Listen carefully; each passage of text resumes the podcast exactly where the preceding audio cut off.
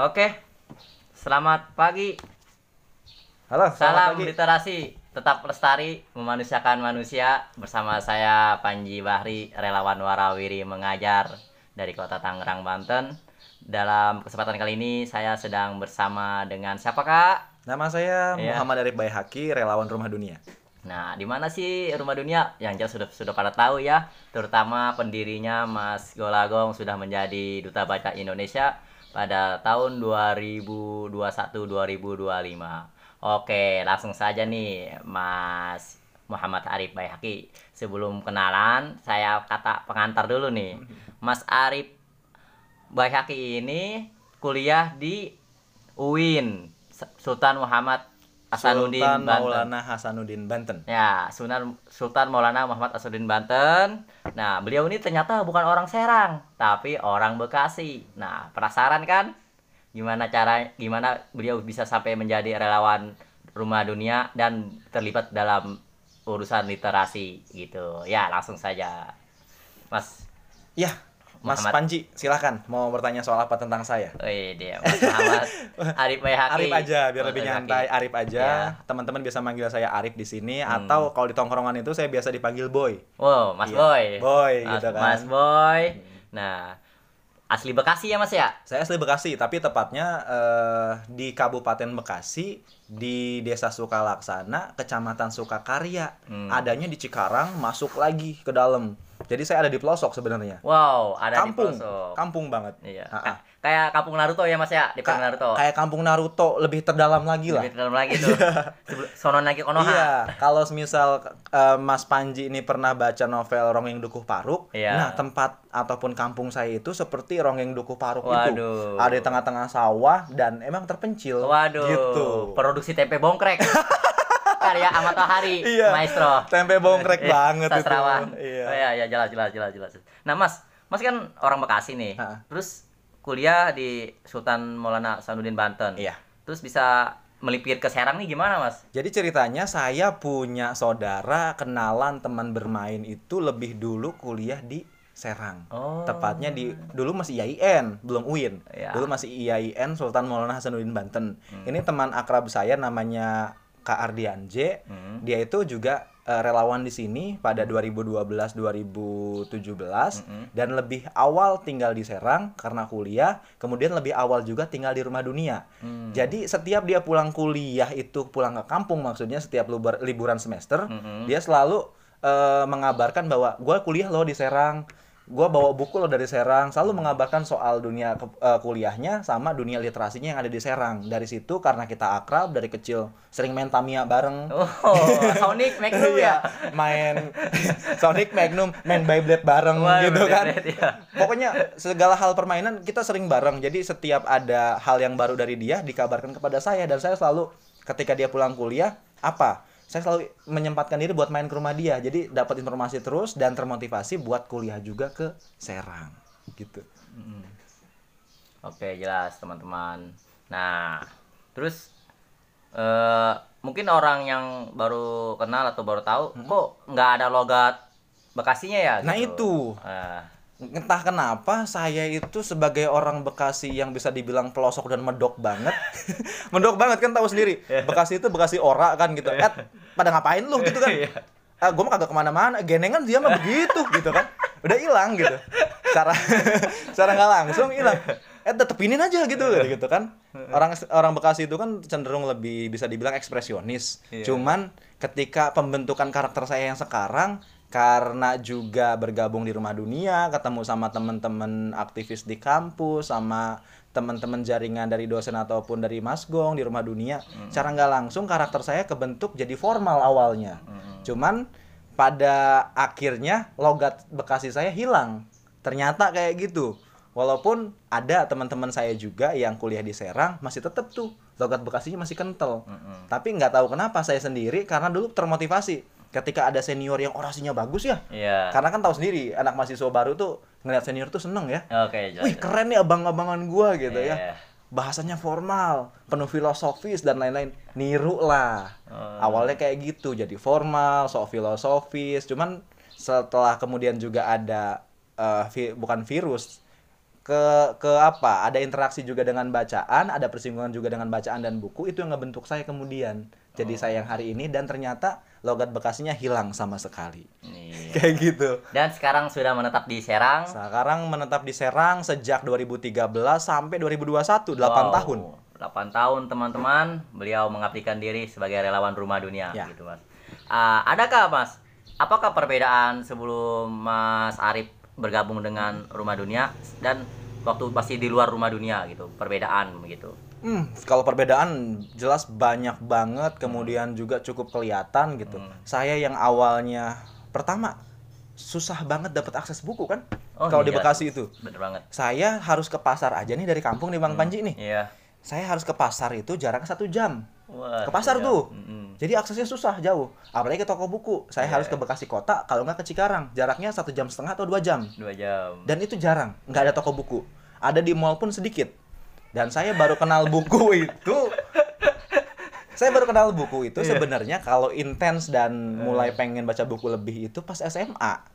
Pas SMA dan tadi teman saya yang kecil sering main sama saya itu sering eh, provokatif sama saya nih baca buku nih baca buku gue di Serang itu bikin buku nih baca buku dari situ Hmm. mulai nyari-nyari buku dan nyari toko buku dan pada akhirnya dapatlah toko buku di mall cuman raknya sedikit banget dan jaraknya satu jam setengah harus nyari buku Waduh, butuh perjuangan. butuh perjuangan Mas Arif. iya walaupun sebenarnya kalau apa kedekatan saya dengan literasi di awal-awal umur saya itu saya sering dan suka banget baca komik Baca komik. Zaman Kapten Subasa tahu Iya, Kapten saya Tsubasa. punya Kapten Subasa banyak Mas Arif sebagai Misaki juga atau Tachibana bersaudara nih? saya dulu senangnya sama Jido Wah, Jido. Gede banget tuh tuh. iya, saya selalu saya selalu apa? Di, dikatain tuh karena badannya gede sendiri waktu di kampung itu, bongsor lah, bongsor dan Iya. saya kan nggak bisa main bola sebenarnya. Oh. Jadi ketika main bola itu cuman bisanya nimbrung sama nyiderain orang gitu. Tukang jegal berarti. Iya, jadi itu tukang jegal. Jadi ketika ada teman-teman yang apa ya kecil gitu atau dia badannya apa cungkring gitu, udah saya hajar aja kakinya gitu. Hajar saya tuh jahat waktu itu. Tuh. Waduh. Jadi dikenalnya oh jido jido Jido, jido, jido. gitu. Zaman Kapten Subasa. Hmm. Jadi saya banyak komik Kapten Subasa sama juga dulu tuh banyak di tukang berondong itu komik-komik Petruk Gareng. Iya. Nggak bisa bohong kan, bisa stensilan bohong. kayak gitu kan. Hmm. Petruk Gareng, kisah-kisah misteri itu ada Iya. pocong yang kecebur di air dan lain-lain sampai rahasia ilahi. Kan Iya. ada kan majalah hidayah Ada. gitu. Majalah Hidayatullah, ya ampun. iya. Pokoknya Ya dari situ awal pembentukan saya kecil, tapi kalau intens tuh ketika saya SMA dan diprovokasi sama teman sepermainan saya ke Ardianje itu. Baru kenal sama buku. Dan perbedaan dari dulu saya ke sekarang adalah dulu tuh saya paling pemalu. Malu. Nggak bisa yang namanya interaksi sama orang langsung. Mm-mm. Pemalu, pendiam, khas orang kampung lah. Nggak Iya. bisa interaksi gitu. Dan yang mengubah saya pertama adalah karena bacaan. Bacaan satu. Kedua adalah rumah dunia. Rumah dunia. Oh ini sebagai Mm-mm. wadah. Iya, ketiga adalah kampus karena ketemu sama aktivis-aktivis yang keren. Hmm. Pada akhirnya saya termotivasi pengen jadi figur yang keren. Iya. Kemudian harus punya bacaan yang keren, harus juga punya komunikasi yang keren kan. Iya, di rumah dunia saya dapat semua itu. Sedangkan kalau di kampung bergulutnya sama apa? Paling sama sawah ya. Oh iya. Karena saya tinggal di sawah, nyari ikan. Punya Rika. iya. Terus saya juga kalau di rumah itu punya kambing dulu tuh. Kambing. Jadi saya tuh pengembala Oh, seperti pengembala. Nabi Muhammad gitu. Masya Allah. Iya. Itu saya Keren pengembala banget. Ketika orang-orang dari mulai SMP ya. Iya. Ketika orang-orang pulang sekolah itu ya sudah main nyantai. Saya pulang sekolah itu harus bawa arit, bawa Iya. karung, ngarit rumput. Rumput. Apalagi ketika SMA saya punya sapi juga, kambing sama sapi. Saya bawa motor. Setiap anak-anak kan zaman SMA paling senang yang namanya nongkrong. Oh iya benar benar. nongkrong benar, tuh paling paling paling apa? Paling wajib. Yuk karena- mau nongkrong di sini yuk, nongkrong di sini. Iya. Saya harus bagi waktu tuh dan nggak pernah nongkrong. Nggak bisa, gue ada kerjaan gitu. Oh, Jadi ketika diajakin nongkrong jam 12 Mm-mm. saya harus pulang Bang Panji. Oh iya. Harus pulang ke rumah karena ada kerjaan tadi. Ketika jam 1 tuh orang-orang pada nongkrong, saya bawa arit, bawa karung dan nggak sedikit kan buat sapin sama kambing. Minimalnya itu saya bawa motor dan ada apa gondengan di sampingnya itu. Iya. Paling sedikit saya ngarit itu empat karung. Empat karung. Empat karung, Sekali sendirian. balik apa dua kali balik? Seka- sekali balik. Sekali balik. Jadi motor saya Supra itu penuh. Supra Itu depan paling nih. sedikit. Iya, depan. Iya paling sedikit. Biasanya paling banyaknya lima karung. Jadi Oh. satu, Satu. dua, tiga, empat depan, Iya. lima. Udah kayak orang gila aja.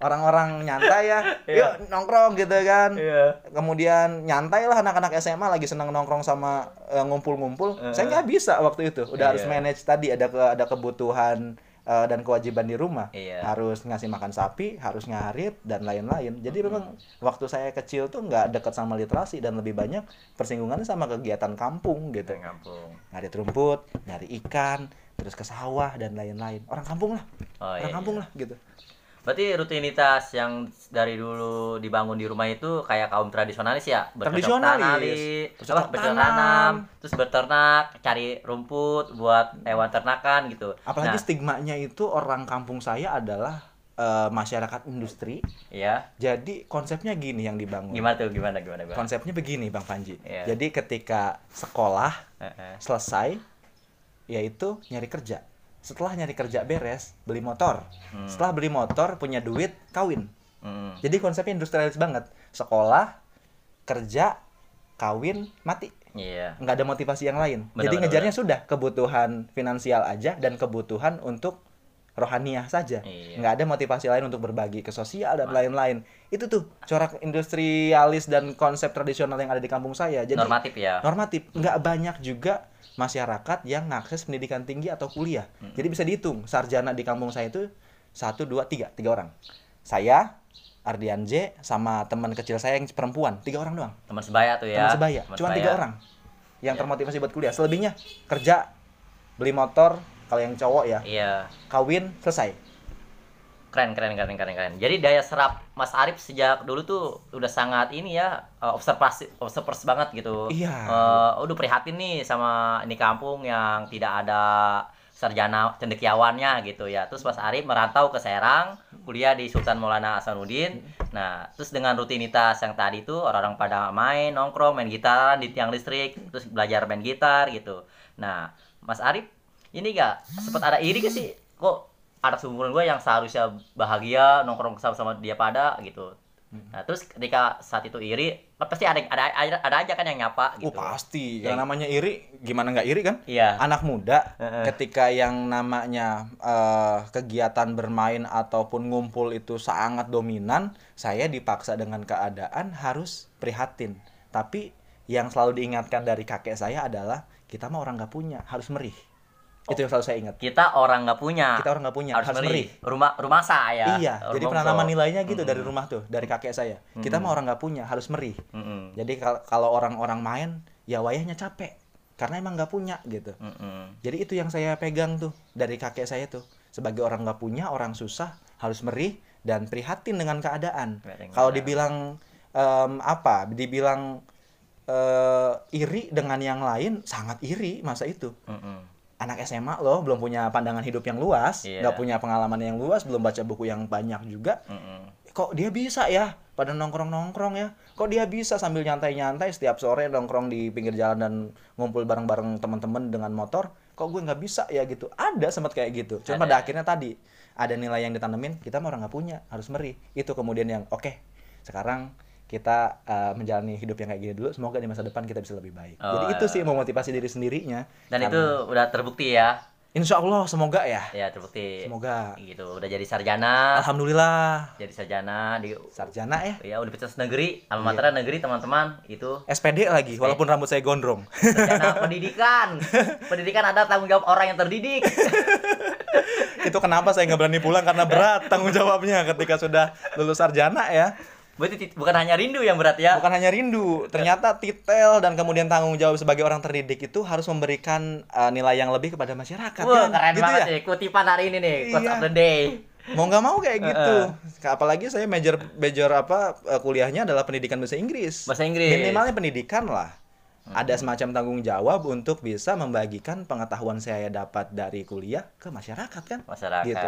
Apalagi dengan saya juga aktif di rumah dunia dengan kegiatan sosial dan literasi, lagi-lagi ada tanggung jawab untuk men-share knowledge itu sama masyarakat. Berat, Berat. berat gitu. Berat seperti rindu. Tapi semoga bisa saya realisasikan dalam waktu yang uh, di masa depan. Iya. Walaupun mungkin tidak bakal singkat karena prosesnya pasti bakal berjalan panjang, tapi semoga saja saya bisa menjalankan amanah yang yang apa ya, yang sudah ditanamkan dari realitas kehidupan saya untuk bisa bermanfaat bagi masyarakat.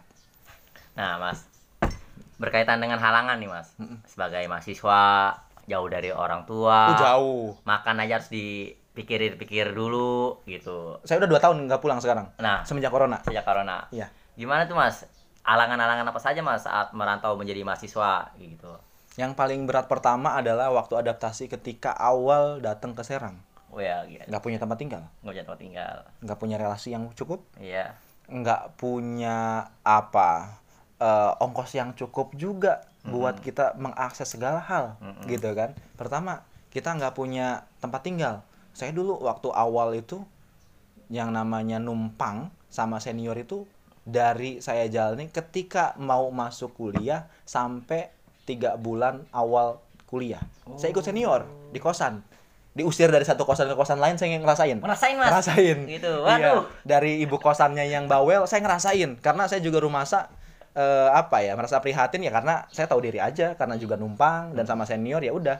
Tapi saya punya keinginan bahwa ketika gue udah hijrah ke Serang, Mm-mm. bagaimana caranya gue harus jadi orang yang keren. jadi orang yang keren Jadi orang yang keren, keren secara pengetahuan, keren secara pengalaman, keren secara aktivitas dan keren secara tingkah laku. Pada akhirnya yang saya yakini adalah saya nggak boleh malu karena pada wilayah ini nggak ada orang yang kenal gue gitu di sini. Jadi gue harus ya udah sebodoh amat gitu, gak usah malu lah gitu. dari Kalau- nol tuh ya Dari nol. dari nol Mm, kedua tuh soal tadi nggak punya relasi yang cukup, ya baru sama senior doang iya benar gitu loh baru sama senior doang kenalnya dari kosan satu ke kosan lain yang diusir itu sampai akhirnya kan udah ada tuh temen yang kuliah lebih dulu dia udah aktif di rumah dunia cuman Hmm. Oh. waktu itu belum tadi saya belum bisa gabung. Karena Iya. proses rekrutmen rumah dunia itu bisa dibilang cukup eh, sulit. Mm-mm. hanya orang-orang pilihan yang bisa masuk ke sini. Oh. bisa dibilang kayak gitu. Dan kedua harus aktif di kegiatan. Makanya selama tiga bulan saya ikut di senior itu sambil juga teman saya Ardian J itu nyaranin untuk lu harus aktif ikut kegiatan rumah dunia. Mm-mm. sekarang besok hari minggu ikut ya kelas menulis walaupun belum terdaftar suruh ikut saya ikut aja. Mm. waktu itu belum punya kendaraan Eh, kosan saya itu ke rumah dunia mungkin kalau jalan kaki sekitar 15 menit jalan kaki jalan kaki Mm. 15 menit jalan kaki mantap itu kalau lagi kosannya yang dekat. Nah, pernah sampai kosannya yang jauh karena tadi pindah-pindah kosan terus Hmm. bisa sampai 25 menit jalan kaki gitu. Dari kosan ke rumah dunia. Udah jalan kaki aja siang-siang sendirian. sendirian Karena konsep saya saya nggak pernah ingin bisa dibilang ketergantungan sama temen karena temen itu bisa kita temukan di mana pun. Hmm, Jadi ketika kita mengakses kegiatan pasti kita bakal ketemu temen. Ketergantungan sama orang lain itu bisa menjadi candu. Mm-mm. Jadi lebih baik kita mencari teman di kegiatan. oke jelas Kayak jelas, gitu. jelas, jelas. Sama akhirnya juga saya jarang pulang, Bang Manji. mau jangan pulang Jauh. Akses saya ke Cikarang itu kan lumayan. Kalau kita naik bus nih, iya tiga jam. Mm-mm. Itu baru sampai Cikarang. Sampai ke kampung saya itu bisa sampai dua jam lagi, lima jam. Itu kalau lagi normal. Kalau lagi nggak normal, saya bisa sampai 10 jam ngabisin waktu di jalan. 10 ya 10 jam ngabisin waktu di jalan. Macet Jakarta, kemudian dari terminal sampai ke Sukataninya lumayan. Iya. Dari Sukatani lagi saya ngecer naik ojek. aduh Jauh. belum ada ojek online Belum. belum familiar sekarang Tradisional lah. tradisional ya Iya. Pokoknya bisa sampai 10 jam kalau lagi macet dan lain-lain gitu. Saya pernah ngerasain soalnya. waduh Heeh. keren keren Dan keren. saya juga tadi paling bisa pulang itu dulu maksimal maksimal banget dua bulan sekali.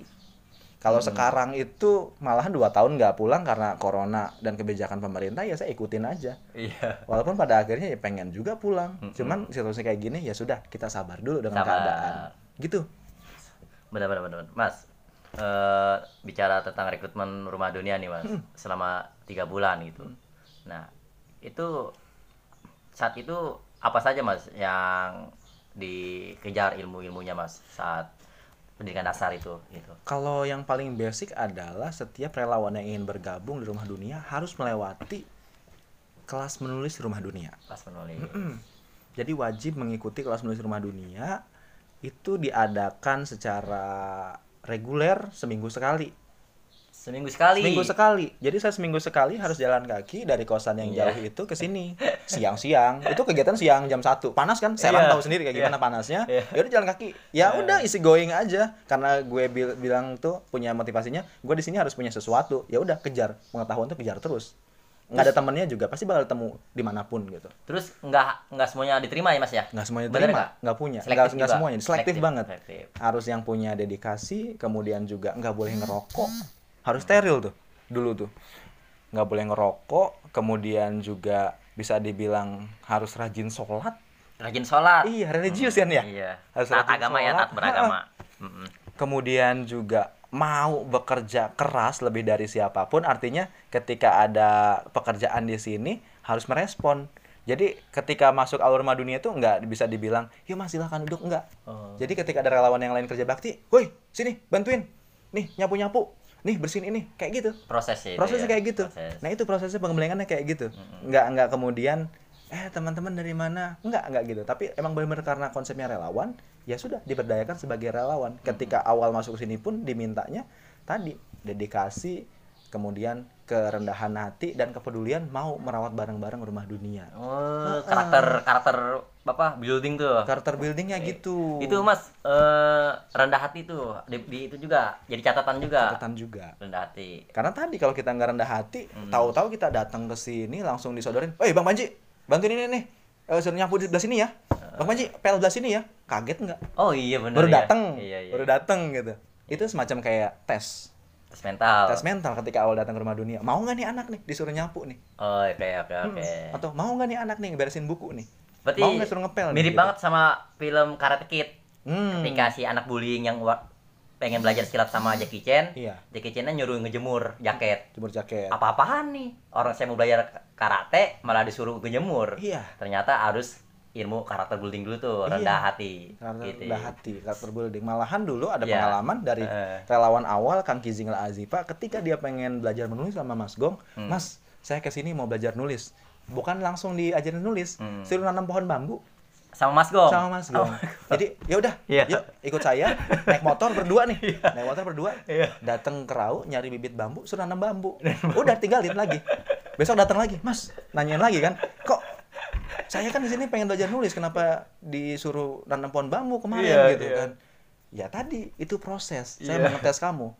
Ada nggak mentalnya buat bener-bener mau belajar di sini? Gitu. Ketika ditanya proses. Proses. Mas kok saya nanam bambu? Iya. Gitu. Atau sama juga kayak tadi, Mas kok saya disuruh ngepel? Oh iya. Iya.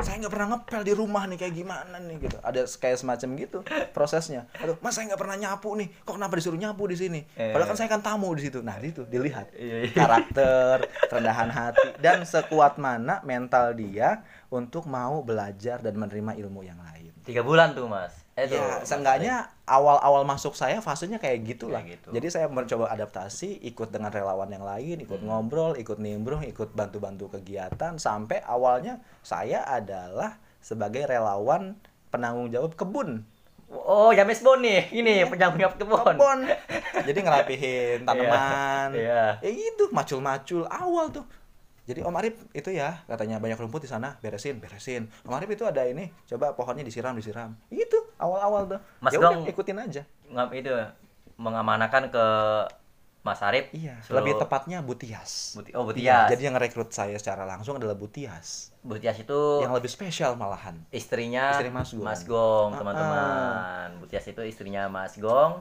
yang saat itu mendidik, membina Mas Arif sebagai calon relawan, Hmm. Calon relawan untuk bertanggung jawab membersihkan Kebun. kebun tuh. Seksi kebersihan. Seksi kebersihan Harvest Moon. Mungkin karena saya petani kali ya, jadi Iya. dekatnya ke situ. Dari, Eh. dari rumah jadi biasa sama sawah, kemudian di sini sama tanaman gitu ya. Wah, ada benang merahnya, Mas. Ada benang merahnya, Benang merahnya. gitu. Sama masa-masa kecil itu di Iya, rumah itu, pada Mas. akhirnya gitu nggak tahu ya, ada Iya. benang merahnya, ada Iya. keterlanjutan. Ada keterlanjutan. ini menarik, menarik, menarik, menarik.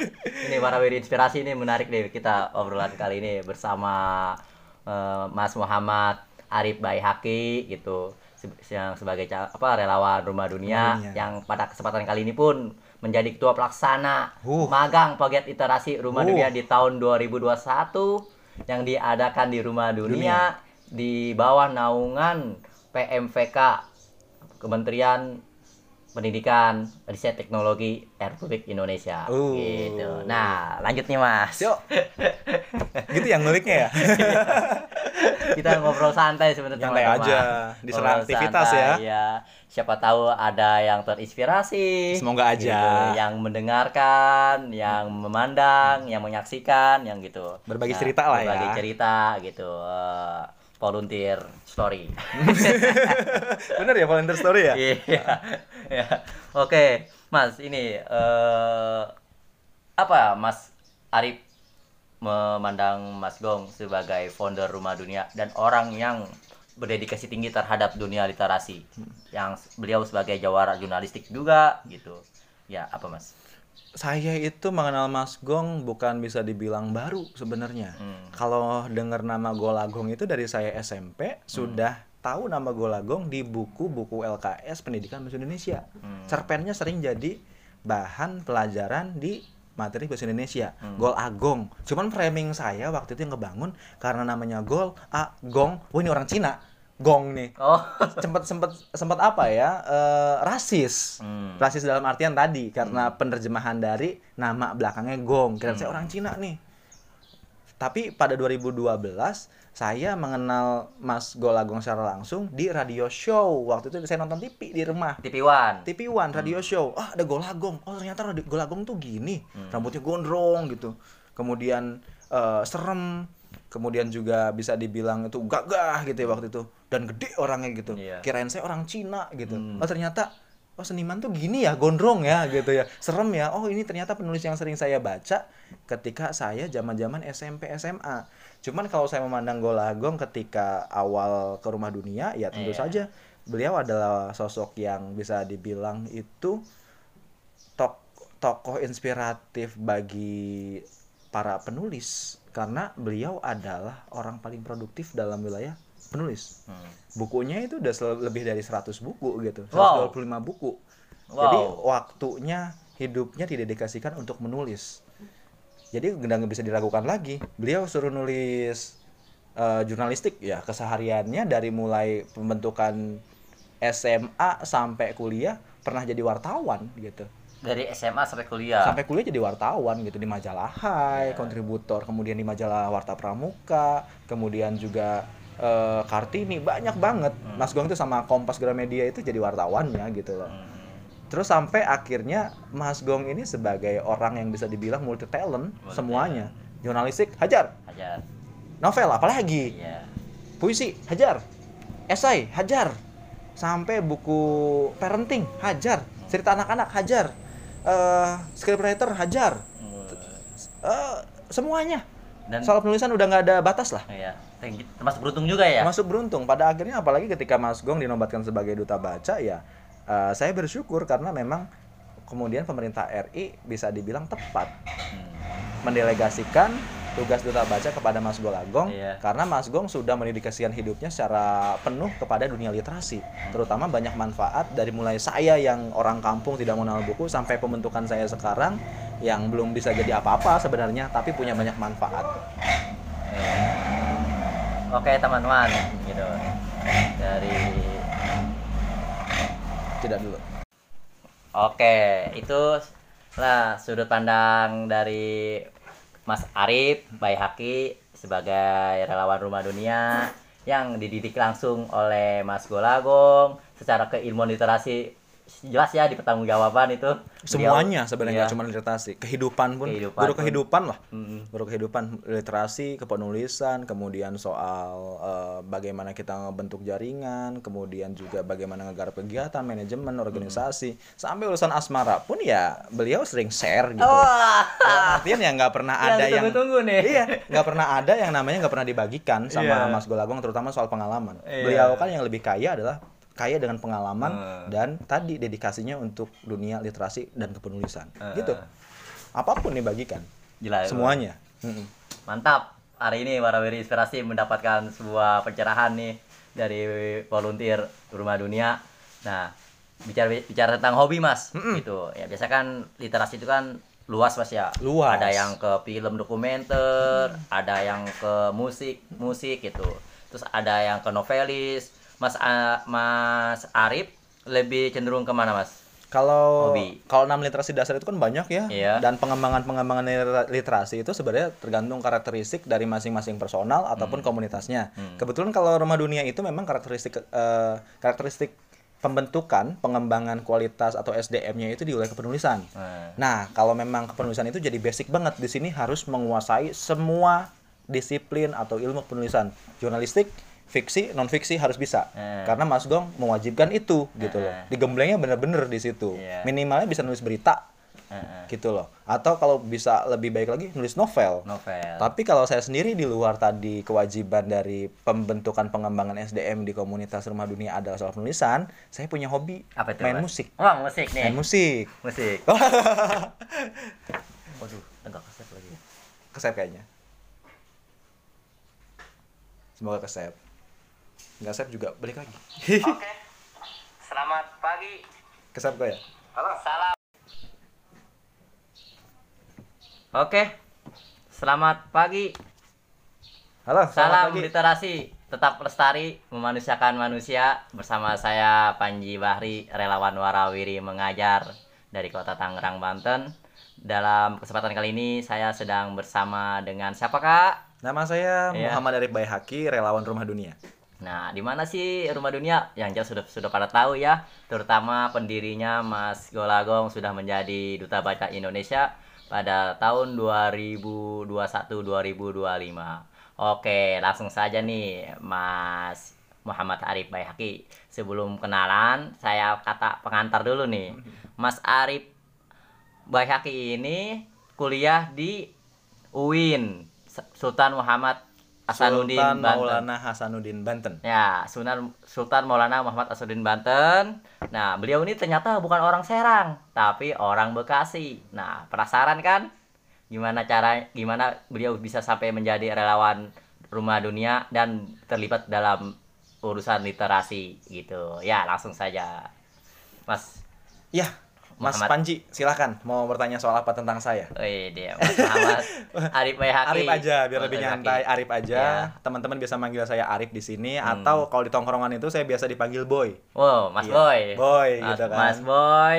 Nah, asli Bekasi ya Mas ya? Saya asli Bekasi, tapi tepatnya eh, di Kabupaten Bekasi, di Desa Sukalaksana, Kecamatan Sukakarya. Hmm. Adanya di Cikarang, masuk lagi ke dalam. Jadi saya ada di pelosok sebenarnya. Wow, ada Kampung, di pelosok. kampung banget. Iya. Ah. Ka- Kayak kampung Naruto ya Mas ya, di Ka- Naruto. Kayak kampung Naruto, lebih terdalam lagi lah. Lebih dalam lagi tuh.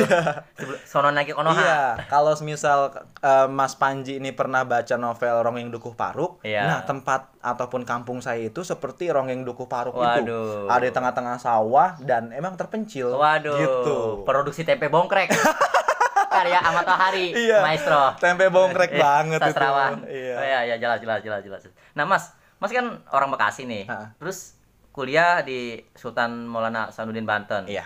Terus bisa melipir ke Serang nih gimana, Mas? Jadi ceritanya saya punya saudara kenalan teman bermain itu lebih dulu kuliah di Serang. Oh. Tepatnya di dulu masih IAIN, belum UIN. Iya. Dulu masih IAIN Sultan Maulana Hasanuddin Banten. Hmm. Ini teman akrab saya namanya Kak Ardian J. Hmm. Dia itu juga eh, relawan di sini pada 2012 2017 Hmm. dan lebih awal tinggal di Serang karena kuliah, kemudian lebih awal juga tinggal di rumah dunia. Hmm. Jadi setiap dia pulang kuliah itu pulang ke kampung maksudnya setiap libur- liburan semester, Mhm. dia selalu eh, mengabarkan bahwa gue kuliah loh di Serang, gue bawa buku loh dari Serang, selalu mengabarkan soal dunia ke- eh, kuliahnya sama dunia literasinya yang ada di Serang. Dari situ karena kita akrab dari kecil sering main Tamiya bareng. Oh, Sonic Magnum Iya, ya. main Sonic Magnum, main Beyblade bareng Wah, gitu kan. Iya. Pokoknya segala hal permainan kita sering bareng. Jadi setiap ada hal yang baru dari dia dikabarkan kepada saya dan saya selalu ketika dia pulang kuliah apa? Saya selalu menyempatkan diri buat main ke rumah dia. Jadi dapat informasi terus dan termotivasi buat kuliah juga ke Serang gitu. Oke, jelas teman-teman. Nah, terus eh mungkin orang yang baru kenal atau baru tahu kok nggak ada logat Bekasinya ya? Nah, gitu. itu. Nah, Entah kenapa saya itu sebagai orang Bekasi yang bisa dibilang pelosok dan medok banget. medok banget kan tahu sendiri. Bekasi itu Bekasi ora kan gitu. Eh, pada ngapain lu gitu kan? Iya. Ah, gue mah kagak ke mana-mana. Genengan dia mah begitu gitu kan. Udah hilang gitu. secara secara nggak langsung hilang eh tetepinin aja gitu gitu kan orang orang Bekasi itu kan cenderung lebih bisa dibilang ekspresionis Iya. cuman ketika pembentukan karakter saya yang sekarang karena juga bergabung di rumah dunia ketemu sama teman-teman aktivis di kampus sama teman-teman jaringan dari dosen ataupun dari Masgong di rumah dunia cara nggak langsung karakter saya kebentuk jadi formal awalnya. Cuman pada akhirnya logat Bekasi saya hilang. Ternyata kayak gitu.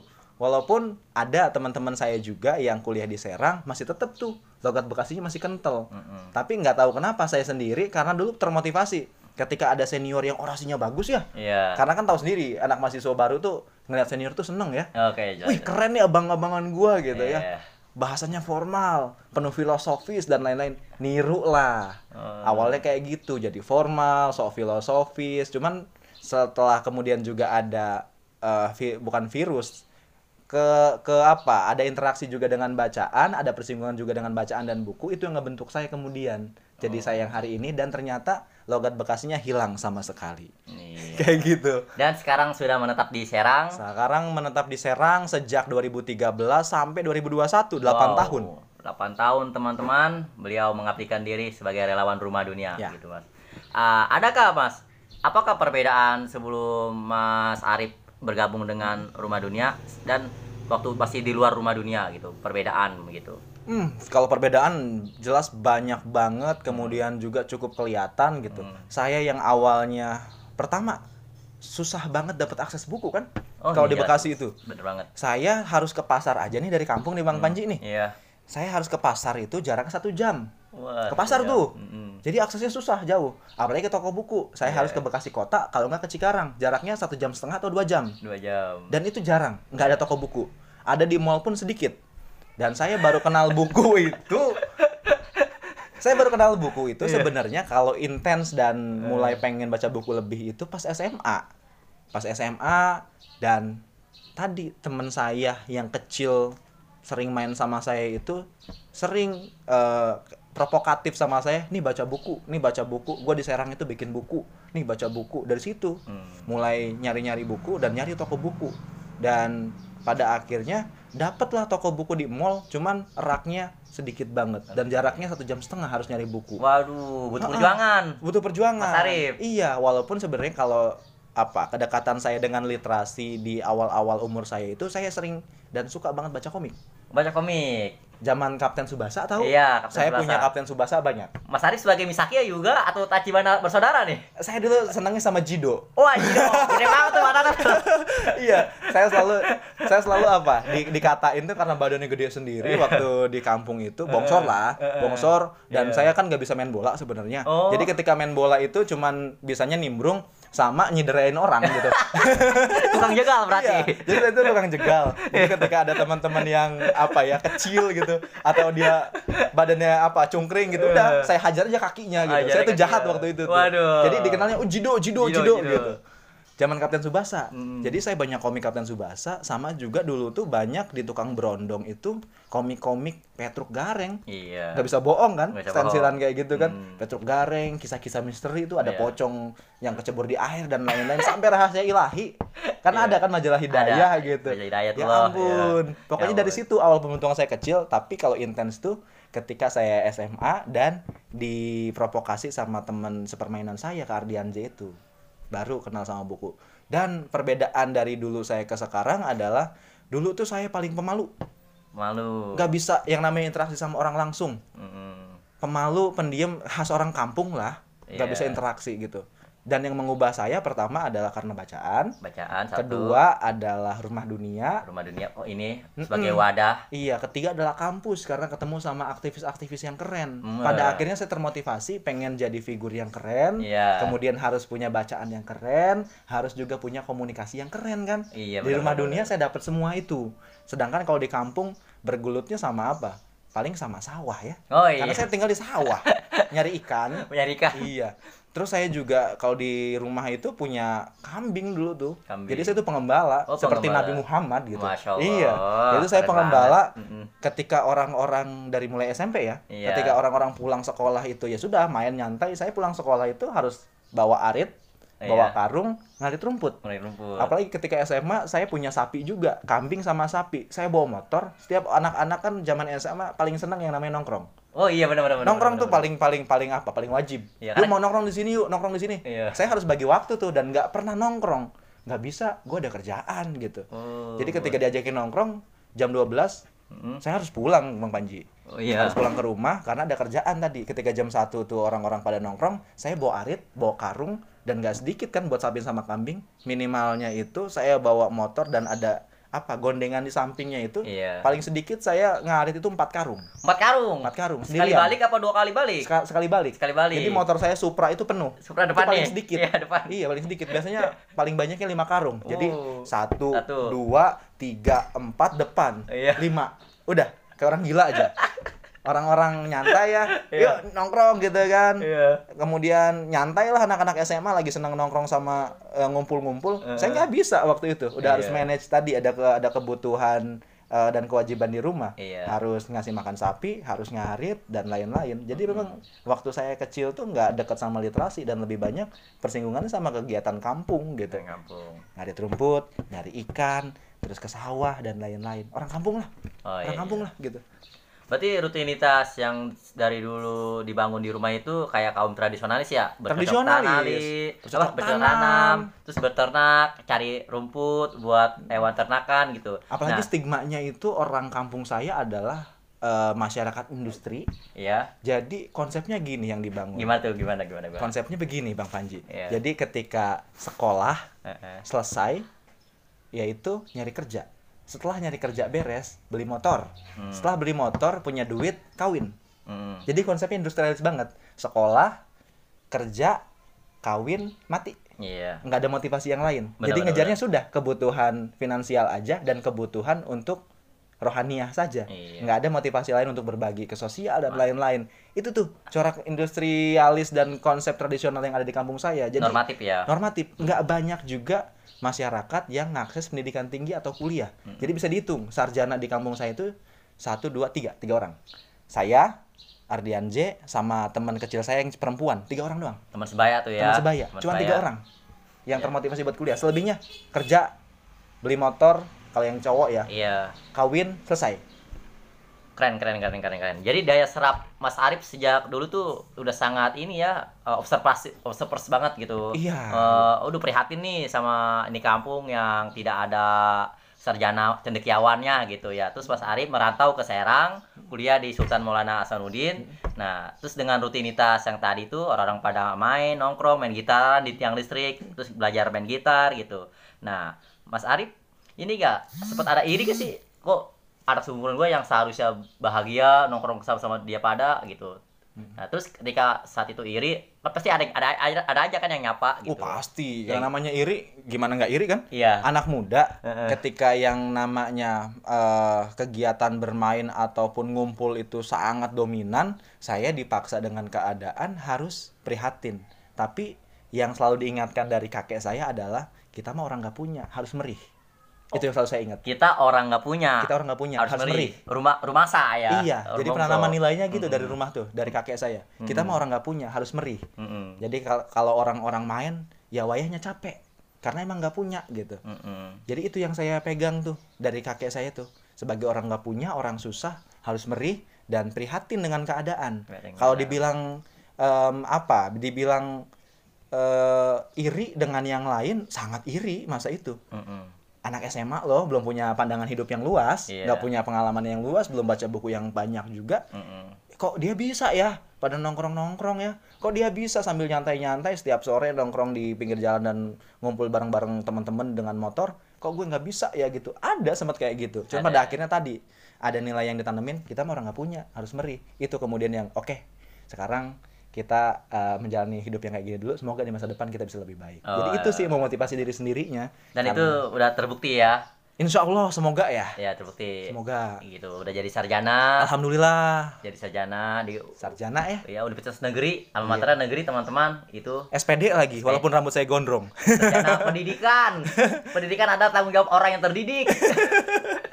itu kenapa saya nggak berani pulang karena berat tanggung jawabnya ketika sudah lulus sarjana ya Berarti bukan hanya rindu yang berat ya. bukan hanya rindu ternyata titel dan kemudian tanggung jawab sebagai orang terdidik itu harus memberikan uh, nilai yang lebih kepada masyarakat Wah, kan? keren gitu banget ya nih kutipan hari ini nih, quotes Iya. of the day. mau nggak mau kayak gitu apalagi saya major major apa uh, kuliahnya adalah pendidikan bahasa Inggris Bahasa Inggris. minimalnya pendidikan lah ada semacam tanggung jawab untuk bisa membagikan pengetahuan saya dapat dari kuliah ke masyarakat kan Masyarakat. gitu apalagi dengan saya juga aktif di rumah dunia dengan kegiatan sosial dan literasi lagi-lagi ada tanggung jawab untuk meng-share knowledge itu sama masyarakat berat Berat. berat gitu Berat seperti rindu. tapi semoga bisa saya realisasikan dalam waktu yang uh, di masa depan Iya. walaupun mungkin tidak bakal singkat karena prosesnya pasti bakal berjalan panjang tapi semoga saja saya bisa menjalankan amanah yang yang apa ya yang sudah ditanamkan dari realitas kehidupan saya untuk bisa bermanfaat bagi masyarakat Nah, Mas. Berkaitan dengan halangan nih, Mas. Sebagai mahasiswa jauh dari orang tua. Oh, jauh Makan aja harus dipikir-pikir dulu gitu. saya udah dua tahun nggak pulang sekarang Nah, semenjak corona sejak corona. Iya. Gimana tuh, Mas? Halangan-halangan apa saja, Mas, saat merantau menjadi mahasiswa gitu. yang paling berat pertama adalah waktu adaptasi ketika awal datang ke Serang Oh ya, gitu. nggak punya tempat tinggal Nggak punya tempat tinggal. nggak punya relasi yang cukup Iya. nggak punya apa eh, ongkos yang cukup juga buat kita mengakses segala hal gitu kan. Pertama kita nggak punya tempat tinggal. Saya dulu waktu awal itu yang namanya numpang sama senior itu dari saya jalani ketika mau masuk kuliah sampai tiga bulan awal kuliah. Saya ikut senior di kosan. Diusir dari satu kosan ke kosan lain saya ngerasain. Ngerasain, Mas? ngerasain. Gitu. Iya. Waduh. dari ibu kosannya yang bawel saya ngerasain. Karena saya juga rumasa eh, apa ya merasa prihatin ya karena saya tahu diri aja karena juga numpang dan sama senior ya udah. Tapi saya punya keinginan bahwa ketika gue udah hijrah ke Serang bagaimana caranya gue harus jadi orang yang keren. Jadi orang yang keren. jadi orang yang keren. Keren secara pengetahuan keren secara pengalaman keren secara aktivitas dan keren secara tingkah laku. Pada akhirnya yang saya yakini adalah saya nggak boleh malu karena pada wilayah ini nggak ada orang yang kenal gue gitu di sini. Jadi gue harus ya udah sebodoh amat gitu. Gak usah malu lah gitu. Dari Kalau- nol tuh ya? dari nol. Dari nol. Mm, kedua tuh soal tadi. Nggak punya relasi yang cukup. Ya baru sama senior doang. Iya benar. gitu loh. Baru sama senior doang kenalnya dari kosan satu ke kosan lain yang diusir itu sampai akhirnya kan udah ada tuh temen yang kuliah lebih dulu dia udah aktif di rumah dunia. Cuman waktu itu belum tadi saya belum bisa gabung. Karena proses rekrutmen rumah dunia itu bisa dibilang cukup eh, sulit. Mm-mm. hanya orang-orang pilihan yang bisa masuk ke sini. Oh. bisa dibilang kayak gitu. Dan kedua harus aktif di kegiatan. Makanya selama tiga bulan saya ikut di senior itu sambil juga teman saya Ardian J itu nyaranin untuk lu harus aktif ikut kegiatan rumah dunia. Mm-mm. sekarang besok hari minggu ikut ya kelas menulis. Walaupun belum terdaftar suruh ikut saya ikut aja. Hmm. waktu itu belum punya kendaraan Eh, kosan saya itu ke rumah dunia mungkin kalau jalan kaki sekitar 15 menit Jalan kaki. jalan kaki Hmm. 15 menit jalan kaki Mantap. itu kalau lagi kosannya yang dekat. Nah, pernah sampai kosannya yang jauh karena tadi pindah-pindah kosan terus. Hmm. Bisa sampai 25 menit jalan kaki gitu. Dari kosan ke rumah dunia. Udah jalan kaki aja siang-siang sendirian. Sendirian. Karena konsep saya saya nggak pernah ingin bisa dibilang ketergantungan sama temen karena temen itu bisa kita- kita temukan di mana pun. Hmm, Jadi ketika kita mengakses kegiatan pasti kita bakal ketemu temen. Ketergantungan sama orang lain itu bisa menjadi candu. Mm-mm. Jadi lebih baik kita mencari teman di kegiatan Oke, jelas. kayak jelas, gitu. jelas, jelas. Sama akhirnya juga saya jarang pulang Bang Manji. Mau jangan pulang. Jauh. Akses saya ke Cikarang itu kan lumayan. Kalau kita naik bus nih Iya. tiga jam, Mm-mm. itu baru sampai Cikarang. Sampai ke kampung saya itu bisa sampai dua jam lagi, lima jam. Itu kalau lagi normal. Kalau lagi nggak normal, saya bisa sampai 10 jam ngabisin waktu di jalan. 10 ya. 10 jam ngabisin waktu di jalan. Macet Jakarta, kemudian dari terminal sampai ke Sukataninya lumayan. Dari Sukatani lagi saya ngecer naik ojek. Aduh, Jauh. belum ada ojek online. Belum. Belum familiar sekarang. Tradisional lah. Tradisional ya. Iya.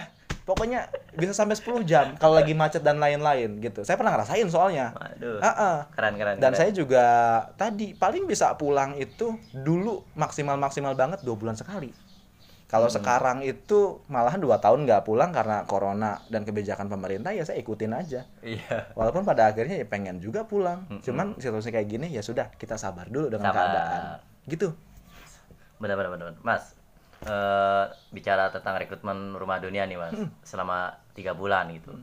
Nah itu saat itu apa saja mas yang dikejar ilmu-ilmunya mas saat pendidikan dasar itu gitu? Kalau yang paling basic adalah setiap relawan yang ingin bergabung di Rumah Dunia harus melewati kelas menulis Rumah Dunia. pas menulis.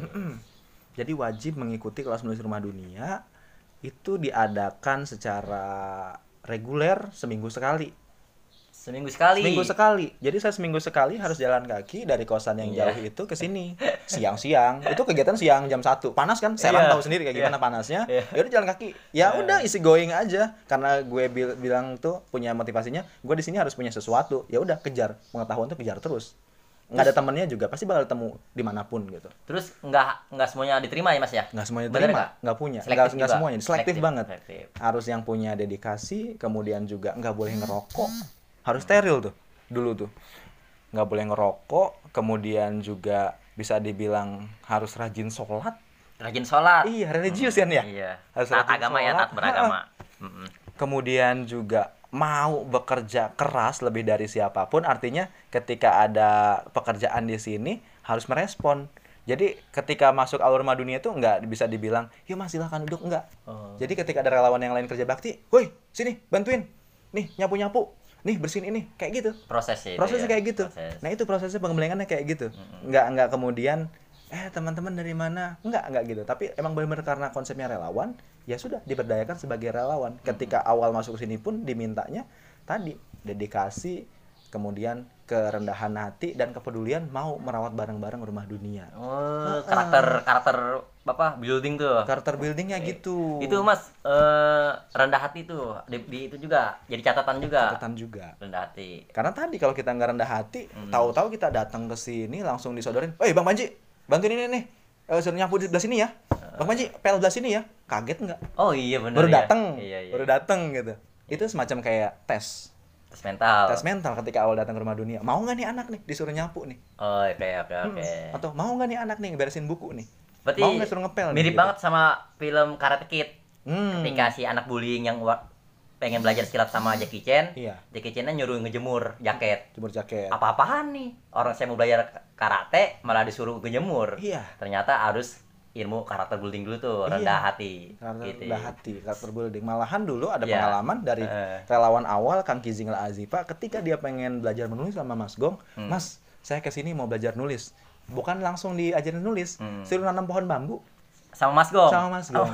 Jadi ya udah, Iya. yuk ikut saya naik motor berdua nih. Naik motor berdua. Iya. Datang ke Rau nyari bibit bambu, suruh nanam bambu. Udah tinggalin lagi. Besok datang lagi, Mas, nanyain lagi kan. Kok saya kan di sini pengen belajar nulis, kenapa disuruh nanam pohon bambu kemarin Iya, gitu iya. kan? Ya tadi itu proses. Saya Iya. mau ngetes kamu. Ada nggak mentalnya buat bener-bener mau belajar di sini? Gitu. ketika ditanya proses Proses. Mas kok saya nanam bambu Iya. Gitu. Atau sama juga tadi, Mas kok saya disuruh ngepel? oh iya Iya. saya nggak pernah ngepel di rumah nih kayak gimana nih gitu ada kayak semacam gitu prosesnya aduh mas saya nggak pernah nyapu nih kok kenapa disuruh nyapu di sini Eh. padahal kan saya kan tamu di situ nah itu dilihat Iya, iya. karakter kerendahan hati dan sekuat mana mental dia untuk mau belajar dan menerima ilmu yang lain tiga bulan tuh mas tuh, ya Mas seenggaknya awal-awal masuk saya fasenya kayak gitulah. Kayak gitu. jadi saya mencoba adaptasi ikut dengan relawan yang lain ikut Hmm. ngobrol ikut nimbrung ikut bantu-bantu kegiatan sampai awalnya saya adalah sebagai relawan penanggung jawab kebun. Oh James Bond nih. Ini penjaga kebun kebun.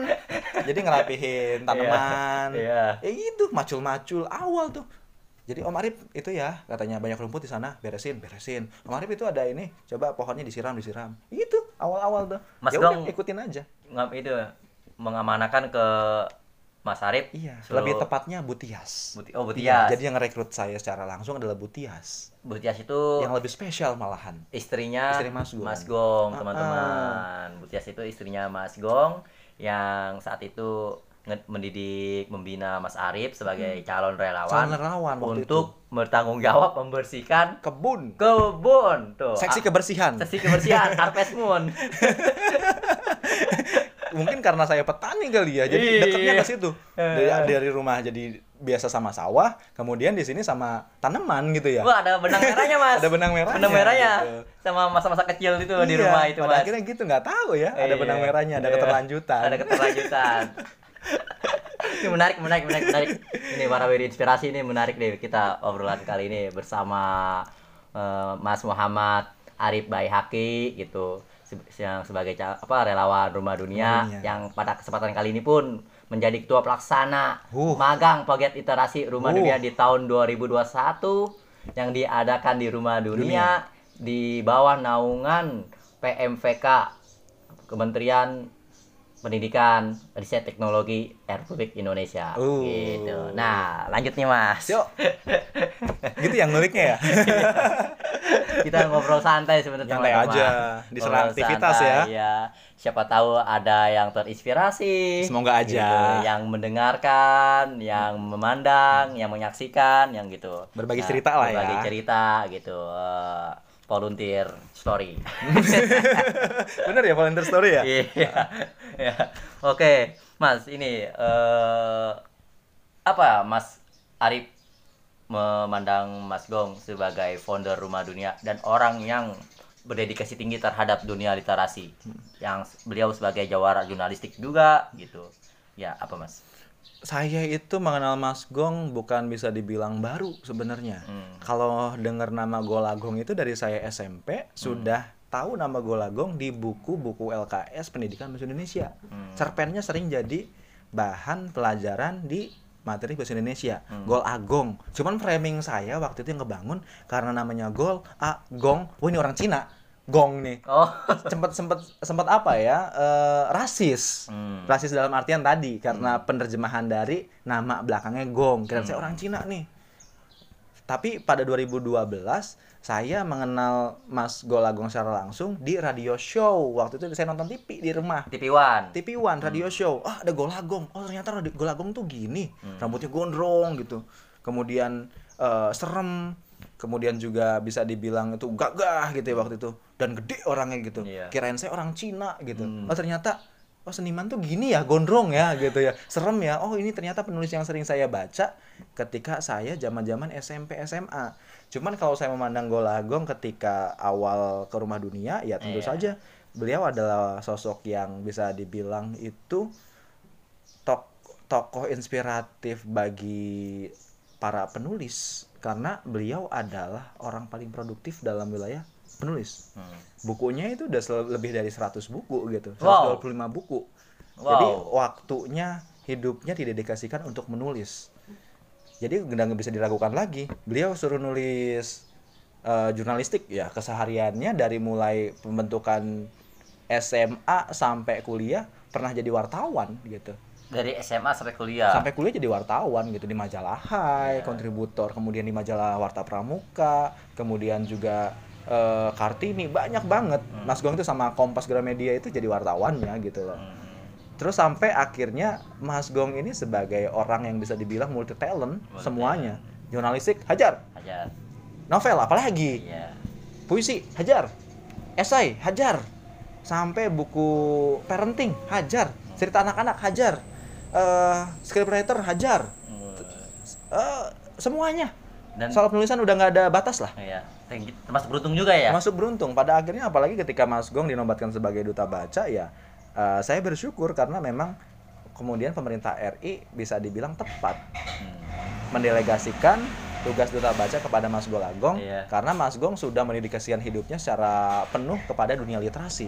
Terutama banyak manfaat dari mulai saya yang orang kampung tidak mengenal buku sampai pembentukan saya sekarang yang belum bisa jadi apa-apa sebenarnya tapi punya banyak manfaat. Oke teman-teman, gitu. Dari tidak dulu. Oke, itu lah sudut pandang dari Mas Arif Baihaki sebagai relawan Rumah Dunia yang dididik langsung oleh Mas Golagong secara keilmuan literasi jelas ya di pertanggungjawaban itu beliau- semuanya sebenarnya iya. cuma literasi kehidupan pun Kehidupan guru pun. kehidupan lah Mm. guru kehidupan literasi kepenulisan kemudian soal eh, bagaimana kita ngebentuk jaringan kemudian juga bagaimana ngegarap kegiatan manajemen organisasi sampai urusan asmara pun ya beliau sering share gitu.